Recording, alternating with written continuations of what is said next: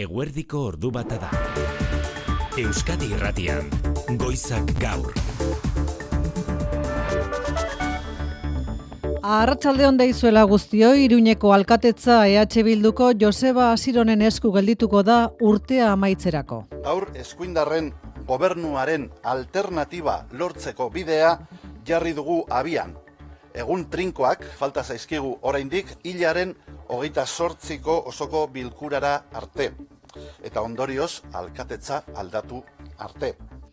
Gaur erregistratu dute Iruñeko udalean UPNeko Kristina Ibarrola alkateren aurkako zentsura mozioa EH Bilduk, PSNek, Geroa Baik eta Zurekin Nafarroa taldeko zinegotziek. EH Bilduk emandako azalpenen arabera, etaren biktimen aitortzan bezala Euskararen alde egiteko konpromesoa jasotzen du PSNek eta EH Bilduk adostutako akordioak. Kristina Ibarrola, UPNeko alkateak oraintxe deitu gaitu prentxaurrera, aurrez ordea Javier Espartza UPNeko presidente atera da PSNerekin harremanak eten dituztela iragartzera. Hoy y aquí anuncio que la relación de UPN con el PSN queda rota absolutamente. Akordioaren berri izan eta Alberto Núñez Feijo, Espainian alderdi populararen presidenteak ere, onela hitz egin du pesoerekiko harremanaz. Es indignante que el Partido Socialista entregue la alcaldía de Pamplona a un partido que lleva asesinos en sus listas electorales. Lehen zailak zirela harremanak eta orain are zailagoak. Pesoek berriz akordioa defendatu du Oscar Puente, garraio ministroak hitzez hitz esan duenez, EH Bildu alderdi demokratiko aurrerakoia den einean. Yo le digo sin ningún complejo que no tengo ningún problema, ninguno, en que un partido progresista democrático de este país se haga con una alcaldía de una capital de provincia de España. EH Bilduk bezala, sozialistek hori bai argi utzi dute, bien arteko akordiaren markoa iruñera mugatzen dela. Hearing no objection, it is so decided. Eta hau Dubaitik jaso dugun hotxa in extremis azken unean, baina akordioa lortu da klimaren larrialdiari aurre egiteko goibileran, COP hogeita sortzian aurrenekoz, erregai fosiletatik aldentzeko transizioa jasotzen du testuak mertitze berri hartzaldeon. Berotze globala arratsaldeon, berotze globala gradu terdira mugatzeko hortzimugari eutxita, 2000 eta hogeita amarrerako isurketak, euneko berrogeita iru murriztea eta berriztagarrien gaitasuna iruko izteare idatziz jasota geratu dira Dubain. Akordioa historikotzat jo dute Arabiar Emirerrietako presidentetzak eta Europar batzordeak, Estatu Batuek eta Kanadak ere aurrera pausotzat hartu dute, petrolio ekoizleen agotsa izan den Saudi Arabiak nabarmendu du, herrialde bakoitzaren esku egongo dela helburuak nola bete. Eguneko beste lerro buruetan inigo alustiza arratsaldeo.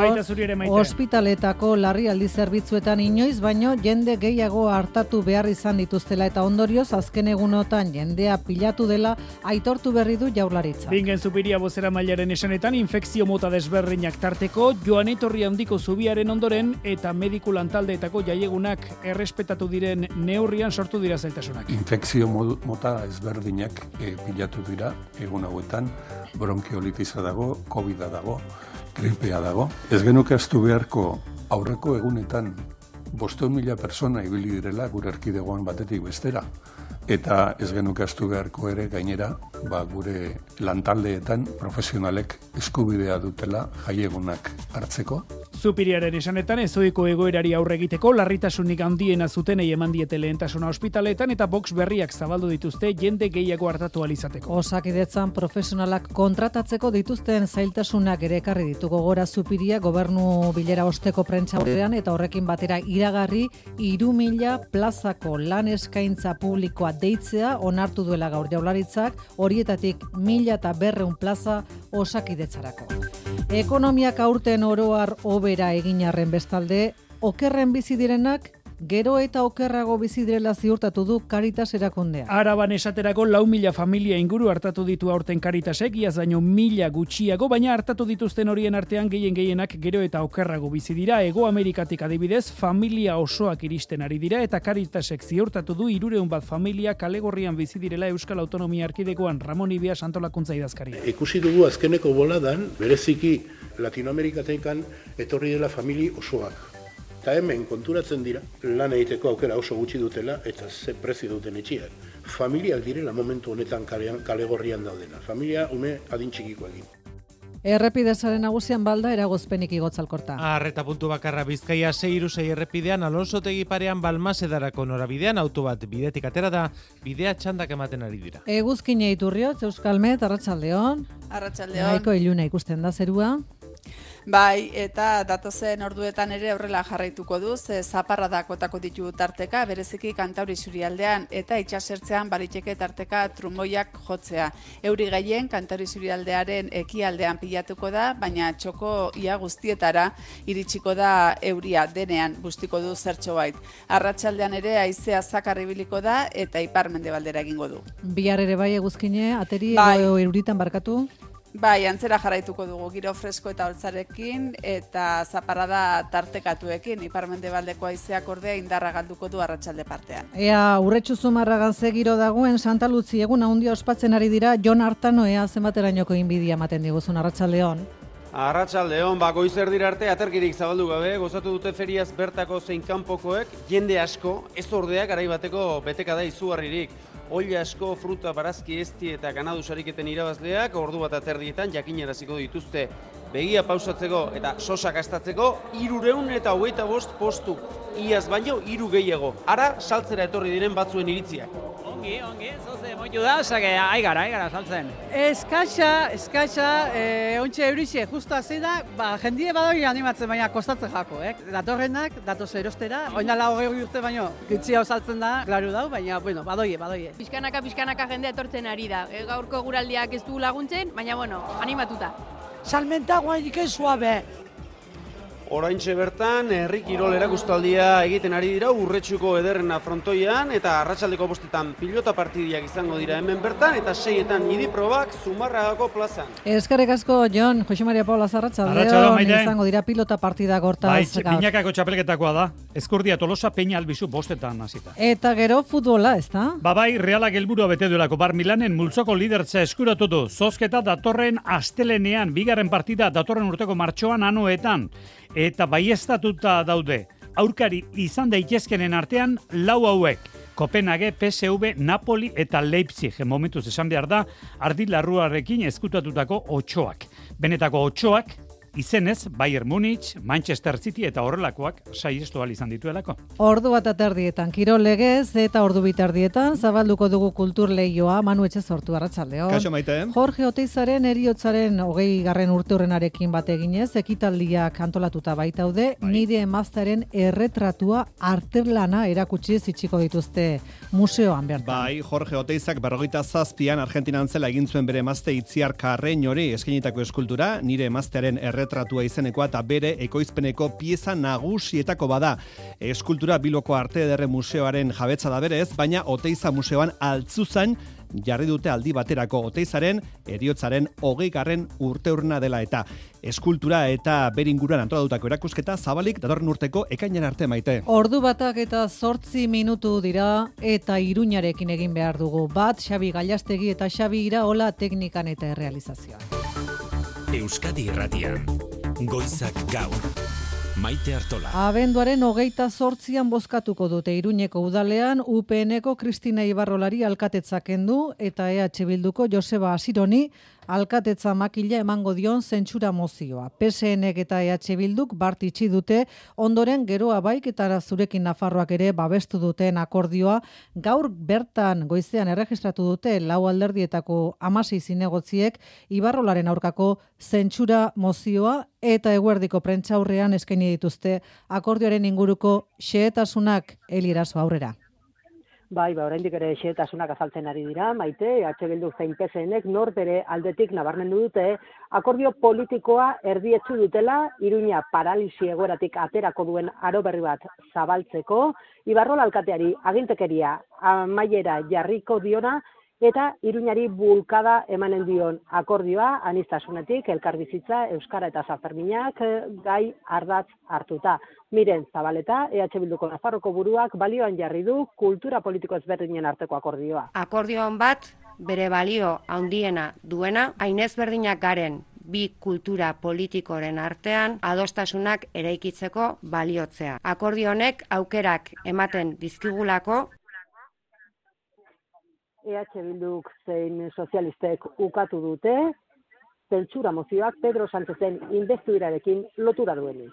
Akordio hau esan dudan bezala jaiotzen da Iruñaren e, inguruan egindako diagnostiko partekatu batetik. Nafarroako alderdi sozialista eta EH Bilduk partekatu dugun diagnostiko batetik. Beraz, ez dauka inolako harremanik Pedro Sánchezen investidurak eta gaur Iruñan eman dugun urratsak adostu dute, aziron alkate izanen dela. Hortik aurrera, udal gobernuaren osaketari dagokionez, alderri sozialistak ez du azironen udal gobernuan sartu nahi, alargitu berri du Ramon Altzorriz peseneren antolakuntza idazkaria.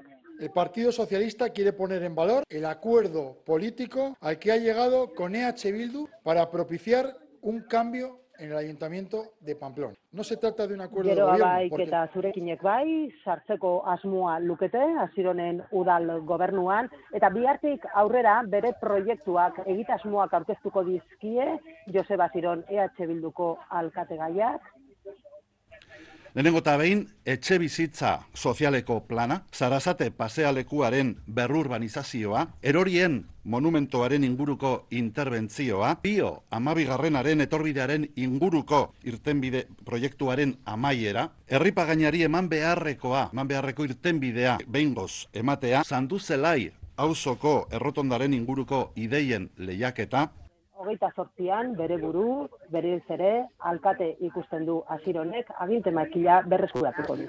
Iruña terroristei ematea entregatzea, leporatu dio bestalde UPNek alderdi sozialistari, Javier Espartza regionalisten presidenteak jada iragarri du hautsitzat jotzen dutela PSNerekin harremana. Patxirigoien arratsaldeon zurire. Arratxaldeon, maiz entzun diogu Javier Esparzari terrorista hitza erabiltzen EH Bilduri buruz mintzatzean, gaur ere agerraldia gisa horretan hasi du Esparza.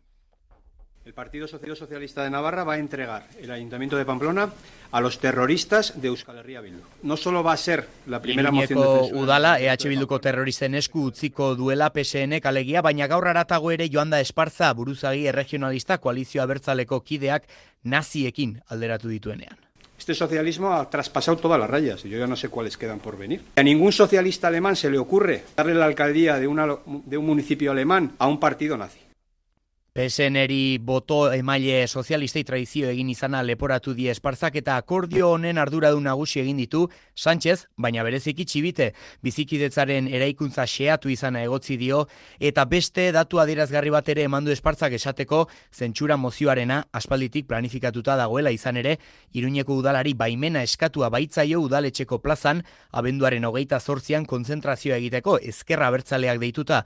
Hain zuzen ere zentsura mozioa bozkatuko den egun bererako. Iruñan lortu den akordioa beste udal batzuetara zabalduz gero, Lizarra, Barainain eta Eguesi barran ere aldaketa etorliteke, baina horrek ez dirudi epe laburrean gauzatzeko moduko asmoa denik. Hiru herrietan aipatu dituzun hiru herri horietan EH Bildu bigarren geratu zen UPNren atzetik, baina sozialistek boto zuri eman zutenez erregionalistek hartu zuten alkatetza, ez dirudi ordea, une honetan alkatetza horiek eh, aldatzeko akordio zabalagoa bado- badagoenik hause gaur miren zabaletan Nafarroako etxea bilduren koordinatzaileak eman dituen azalpenak. Ez akordio hau Iruñarako da, Iruñaren gatik eginda, Iruñaren analisi batean oinarritua eta hori da e, gaur e, mai gainean daukaguna.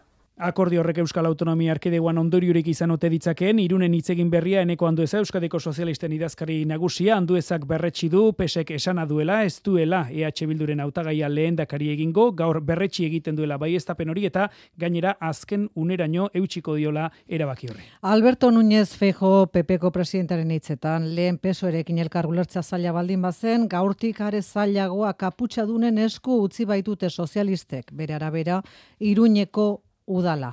PP bezala Voxek nabarmendu dute Sánchezen investidurarako EH Bilduri ordaindu zaion prezioa dela Iruña pesoek orde aukatu egin du investidura aurrekoa denik akordio hau eta defendatu du esanez hobea dela alkatetza eskuinarik kendu eta alderdi demokratiko ezkertiar baten esku uztea.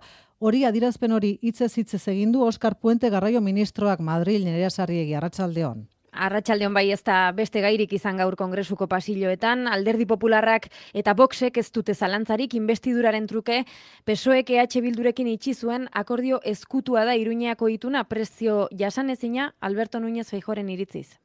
Vamos conociendo el contenido del pacto encapuchado. Es indignante que el Partido Socialista entregue... Baina galdera egintzaien bakoitzean sozialistek berretsi dute Iruñeakoak ez duela zerikusirik investidurarekin eta urratsa defendatu dute irmoen Oscar Puente Garraio ministroak. Yo le digo sin ningún complejo que no tengo ningún problema en que un partido progresista democrático de este país se haga con una alcaldía de una capital. Akordioari hori bai muga jarri diote Iruñean geratuko dela azpimarratuta peperen iradokizunen aurrean entzunkuka gamarra. Tomen nota, el PNV, no vaya a ser que lo próximo sea que Bildu País Jesús Montero ministroak lehendakaritzarako balizko akordioetatik bereizi du erabat. Aragoitik azkena Jorge Azkon, egungo PPko presidenteak mobilizaziorako deia egin die Nafarroako herritarrei. Estrasburgon ere duela hilabete batzu gutxik esperoko zuten argazki ikusi dugu gaur, Sánchez eta Puigdemont espazio fisiko berean, Europako Parlamentuan. Pedro Sánchezek txandakako Europako Batasuneko Konseiluko presidente kargutik balantze egin baitu Europako Parlamentuaren aurrean eta saio horretan Carles Puigdemont juntzeko eurodiputatuak ere hitza hartu du. Tribunara igo aurretik Sánchezen albotik igaro da Puigdemont, baina bien arteko aparteko keinurik ez dugu harrapatu. Puigdemonten ohartarazpena bide batez Europako Batasunari buruz ari zen, baina Sánchez zentzat hartu ziteken mezua, Europak duen arazo handiena ez dela sekula izan, promesak egitea, baizik eta hitza ez betetzea. Amaia Portugal, Arratsaldeon. Arratsaldeon bai, Puigdemontentzat Europaren arazoa ez dira promesak, horiek ez betetzea baizik, horrek eragiten duen mesfidantza, Europarentzat zioen, baina PSOE eta Juntzen arteko akordioari erreferentzia garbia izan da. Gaztelaniaz egin du presidentak, ez du ohikoa izaten hori Estrasburgon, ingelesa edo frantsesa baliatzen ditu gehiago, baina mezu adierazgarria bidali naizion ala Sánchezi. Esa Europa de las personas que usted debía defender durante su presidencia no nos incluye si hablamos en catalán. No está libertad Katalanek de ezin dutela beren ama hizkuntzan egin Europar instituzioetan. Hasierako agerraldian ez, baina istekoan hor zuzendu zaio Puigdemonti Sánchez, esanez bi aldeen esku dutela mesfidantza hori gainditzea eta bere gobernuak egingo duela katalanaren baita euskararen eta galizieraren ofizialtasunaren alde Europar batasunean. Espainiako gobernuko presidenteak bere burua erakutsi nahi izan du Europa zale eta politika aurrerakoien lemazain gisa eta kontraiarrita feijoren gobernu batek ekarriko zuenari. Horregatik amnistia legeaz nagusiki eurodiputatu Espainiarrek egin dizkioten kritikei erantzuteko etzaile haiei zuzendu, baizik eta Manfred Weber popularren buruari Bavariakoa bera galdetzeko ea ba ote dakien Espainiak pe, Espainian Pepek norekin gobernatu nahi duen. ¿Sabe que están censurando conciertos, películas y obras de teatro a la vez que están recuperando los nombres en las calles de nuestras ciudades de Vox alderdi frankista baten gisan erakutsi nahi izan du eta be berri galdetu dio ea hirugarren reijaren aldeko aldarriak onartuko zituen Alemanian azpimarratzekoa Iruñeko udalare, udalean gertatutakoari ez diola inork aipamenik egin Estrasburgoko hemizikloan. Eta edukialde batera utzita, amaia bai bitxia gaur Europako Parlamentuaren hemiziklo horretan gertatu dena, ez da? Eskuinetik makina bat aldiz deitu izan diote Pedro Sánchezi Perro Sánchez, eta gaur txakur baten zaunkak entzun dira Estrasbur- Estrasburgon bere izketan hasi denean, ez? Bai, Sánchezek hitz egin du aurrena, gero Bonderleien izan da eta batzordearen presidenteari eurodiputatuek emandako txalo zaparrada betean hau entzun du. Long live Europe. Zaunkak hemizikloan eta gertatzen ari zena ondo ulertu ezinik, bagora begira hasi dira eurodiputatu asko, barre txikiak, baita Roberta Metxola legebiltzarraren presidentearen aldetik ere, eta zer esanik ez Pedro Sánchezen eta ingurukoen aldetik, agerikoa zen eh, kanpainan gertatutakoa zutela buruan. Baina ez da sozialisten edo oposizioaren marketing kanpaina izan, Metxolak berak argitu du, gonbidatuen tribunan zegoen pertsonaren baten terapia animalia behartzuela izan. Eskerrik asko amaia, ordu bata eta emeretzi minutu.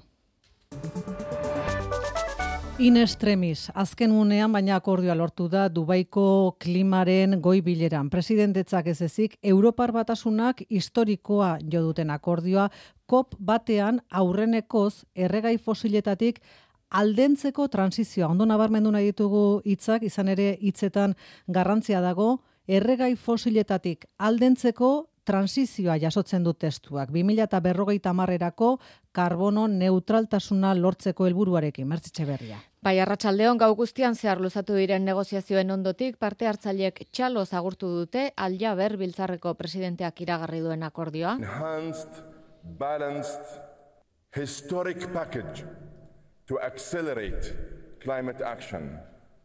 Akordio historikoa alaberren hitzetan, kop batean aurrenekoz erregai fosiletatik aldentzeko transizioa jasotzen baitu testua, hori onartu dute munduko eun eta laurogeita emezortzi herrialdek. Petrolio, gas eta ikatzaren erabilpena desagertarazteari zehazki aipamenik egin gabe, formula horren bidez transizioa aipatuz gainditu da erregai fosilen auziak parte hartzaileen artean eragindako zatiketa. Temperaturaren berotzea gradu terdira mugatzeko hortzi mugari eutxiz beraz, 2000 eta berrogeita marrerako karbono neutraltasuna lortzeko helburua bertsi du Dubaiko adierazpenak, baita 2000 eta hogeita amarrerako isurketak euneko berrogeita iru murriztekoa eta hamarka dago amaitzerako beste bi bete behar ere bai, energia berriztagarriak ekoizteko gaitasuna irukoiztea mundu mailan eta energia efizientzia tasa bikoiztea. Azken bi puntu hoiek Europar batasunak proposatuta iritsi ziren Dubaira eta harro egoteko motibuak ikusten ditu horregatik Ursula von der Leyen Europar batzordeko presidentea. A historical deal and a crucial part of it is truly made in Europe. Mundu osoko herrialdek bat egin baitute konpromiso horiekin, ala nabarmendu du Bonder Leyen batzordeko presidenteak. Espainia eta Frantziako gobernuek eta Europako herrialdeko oro hartxalotu egin dute Dubaik utzitako emaitza, benetako arazoa erregai fosilak direna onartzen delako aurrenekoz Norvegiako energia ministroaren esaldia kaso maite adierazgarriena, elefantea egonda hasieratik aretoan eta horri heldu zaio azkenean. Estatu batuek eta Kanadak ere aurrera pausutzat jo dute Dubain adostutakoa, petrolio ekoizlen gidaritza izan duen Saudi Arabiak nabarmendu du herrialde bakoitzak tartea izango duela helburuak nola bete erabakitzeko. Eta valorazio goibelena maite klima larrialdia gordinen nozitzen ari diren Uarte herrialdek plazaratu dute Pazifikoko uarte txikiek adierazi dute norabidea ez dela behar adina zuzendu Dubain naiz eta baiezko bozkaz ba onartu egin duten azken adierazpen hori. Horixe da gobernuz kanpoko erakunde ere nabarmendu dutena aurrera pausoa izanagatik aurrera pausoa motz geratzen dela. Bide batez enkarterrin makroe, makroeolikorik ez plataformak 3000 eta berreundik gora alegazio aurkeztu ditu Bizkaiko Industria Administrazioko lurralde ordezkaritzan Euskal Aizie enpresak enkarterrin iraiki que asmo duen hartzentales sopuerta parke eolikoaren egitasmoren aurka. Proiektu hori bertan bera usteko eskatu dute ingurumenean eragin kaltegarria izango duela iritzita eta dierazpen simbolikoetatik aratago ekintza eraginkorrak eskatu dizkiete kaltetutako udalei. Alegazio horiekin proiektua erabat esestea eskatzen dugu. Izan ditzakeen ingurugiro eta gisa inpaktuengatik. Baita edozein helburu klimatikori zein energia subirotasunari dagokionez duten sendotasun esarengatik. Ordu bata eta hogeita iru minutu dira. Jaurlaritzak aitortu du atzo eta eren egun jende pilaketak izan direla ez bakarri txagorritxu ospetelako larrialdietan, baita gainerako erietxe gehienetan ere. Zupiriaren, barkatu zubiaren ondorena, arnaz aparatuko infekzio kasu ugari eta langileen jaiegunetarako eskubidea dena elkartu dela, azaldu du bingen zupiria jaurlaritzaren bozera malea. Gobernu bilera amaituta, Inara Rubio, Arratxaldeon. Arratxaldeon, etzen erraza aurre ikuspena egitea, bingen zupiria bozera mailaren arabera eta ondorioa atzo eta ere egun ikusi zen Euskal Hospitale gehienetako larrialdi zerbitzuetan. Ordu luzetako itxaronaldiak, amabi ordura artekoak esaterako txagorritxun. Arrazoi ugarik egin dute bat larrialdi zerbitzuetan alako jende pilaketak gertatzeko bozera mailak azaldu duenez. Bronkiolitiza dago, covid dago, gripea dago. Aurreko egunetan bosteun mila persona ibili direla gure erkidegoan batetik bestera. Eta ez genuke astu beharko ere gainera e, profesionalek eskubidea dutela jaiegunak hartzeko. Eta guzti horren ondorioz ba, gertatu da e, inoiz baino jende gehiago horbildu dela larrialdi zerbitzuetara. Zupiriak gogoratu du gainera medikuak kontratatzeko zailtasunak daudela sortu den egoerari erantzuna eman zaio besteak beste larritasunen araberako irizpideak kontuan hartuta eta box gehiago zabalduta. Jaurlaritzak bestalde ambulantzien kontrataziorako eunda hogeita amabost milioi euroko lizitazio aurrekontua onartu du gaur, egungo aurrekontua baino euneko hogeita lau handiagoa zerbitzuaren egungo kostuetara egokitzeko jaurlaritzak espero du honek hitzarmen kolektibo berrirako bidea erraztu hartuko duela. Jaurlaritzak sektore publikoan enplegua sustatzeko 3000 plazako lan eskaintza berria ere onartu du plazen erdia osakiderentzaren izango lirateke, ezkuntzan ia beste bederatzireun, seireun administrazio orokorrean eta eun ertzantzan. Gehienez ere, irurteko epean, deituko ditu lan eskaintza publiko berriak, behin enplegu publikoa finkatzeko prozesuak bukatuta. Eta palestinarentzako laguntza ere onartu du gaur gobernu bileran jaurlaritzak. Eun da mazazpi mila euroko laguntza, aurrez urrian egindako bosteun mila euroko ekarpenari gehituko zaiona, zupiria gobernu kontseiluak erabaki du eunda amazazpi mila euroko ekarpena egitea ekialde horbileko palestinar ieslariei laguntzeko fondoari, unroa agentziari. Arrazoia, bon, biztan da, hilebete luze honetan, egoera larriagotu eginda, osasun instalazioei, errefusiatu eramuei eta eskolai egindako erasoak ezbaitira eten, Etzi ostiralean, ekialde horbileko egoera aztertzeko, sailarteko maia elkartuko da Euskal Autonomia Arkidegoan, biga izango dituzte mai gainean, ona etorretako errefusiatu palestinarren berri izatea, eta gazako egoera humanitario zehatza ezagutzea. Gazara jota, Israelgo armadak amar soldadu galdu ditu, tartean koronel bat, gerra zizenetik izan duen egunik odoltsuenean, jamasen aurkako borroka horietan tunelak urez betetzen hasi dira Israelgo soldaduak, baina biktima nagusiak zibilak dira. Azken orduotan ikastetxe bate egin diote eraso, Israeldarrek eta dozenaka palestinar dituzte Gaza osoan ekialde hurbilean Mikel Aiestaren beren berri emaleak azken ordu Arratsaldeo Mikel. Arratsaldeon, Israelek Hamasen gotorleku nagusiak inguratu ditu Gazan eta soldaduak etxez etxe borrokatzen dira. Joab Galan, defentsa ministroak Hamaseko bataioiak desegitear daudela iragarri eta goita ordura, armada kurriaren zazpitik jasan duen segadarik odoltsuena jaso du. Gutxienez, bederatzi soldadu hildituzte milizianoek soia eian, gaza iriaren ekialdean, eliteko borroka unitatea zuzentzen zuen koronela tartean. Gainera, beste militar bat hilda zerrendako iparraldean egon den beste operazio batean. Egun damabost soldadu galdu ditu dagoeneko Israelek. Nazio batuen erakundearen suetenaren aldeko bosketaz urruti, Israeldarrek bombardak eta gogorrei eutxi diete beste behin ere, eta amazortzi mila palestinar hildituze dagoeneko, gehienak emakumeak eta aurrak.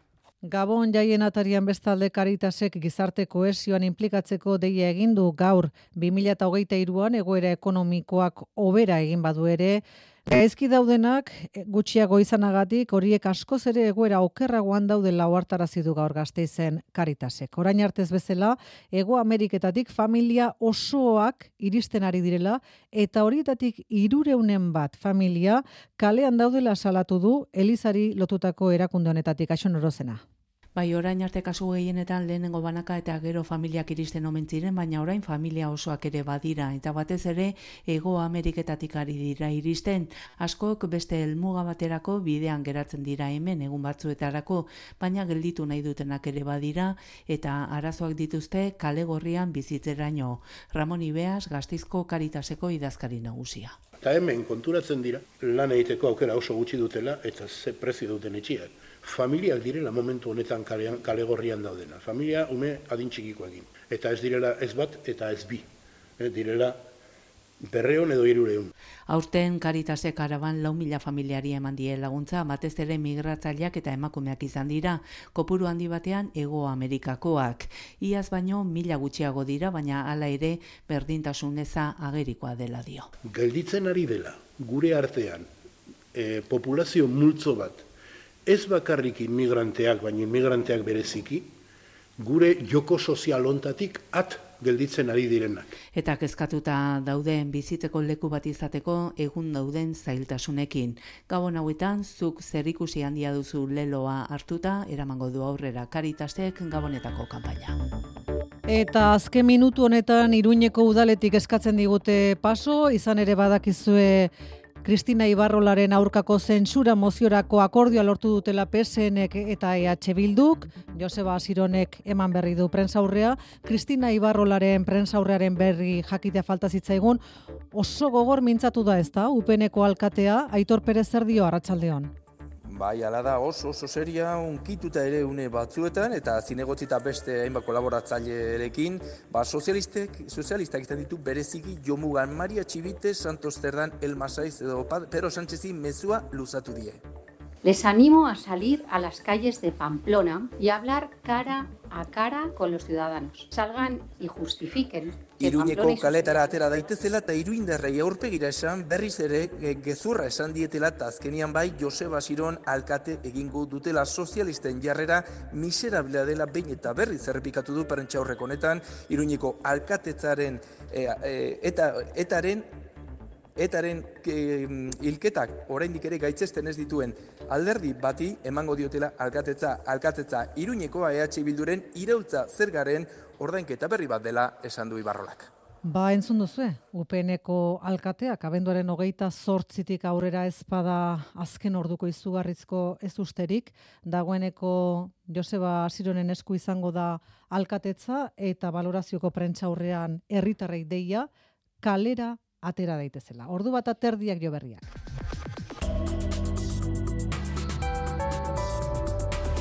Euskadi Irratian, eguraldia eta trafikoa.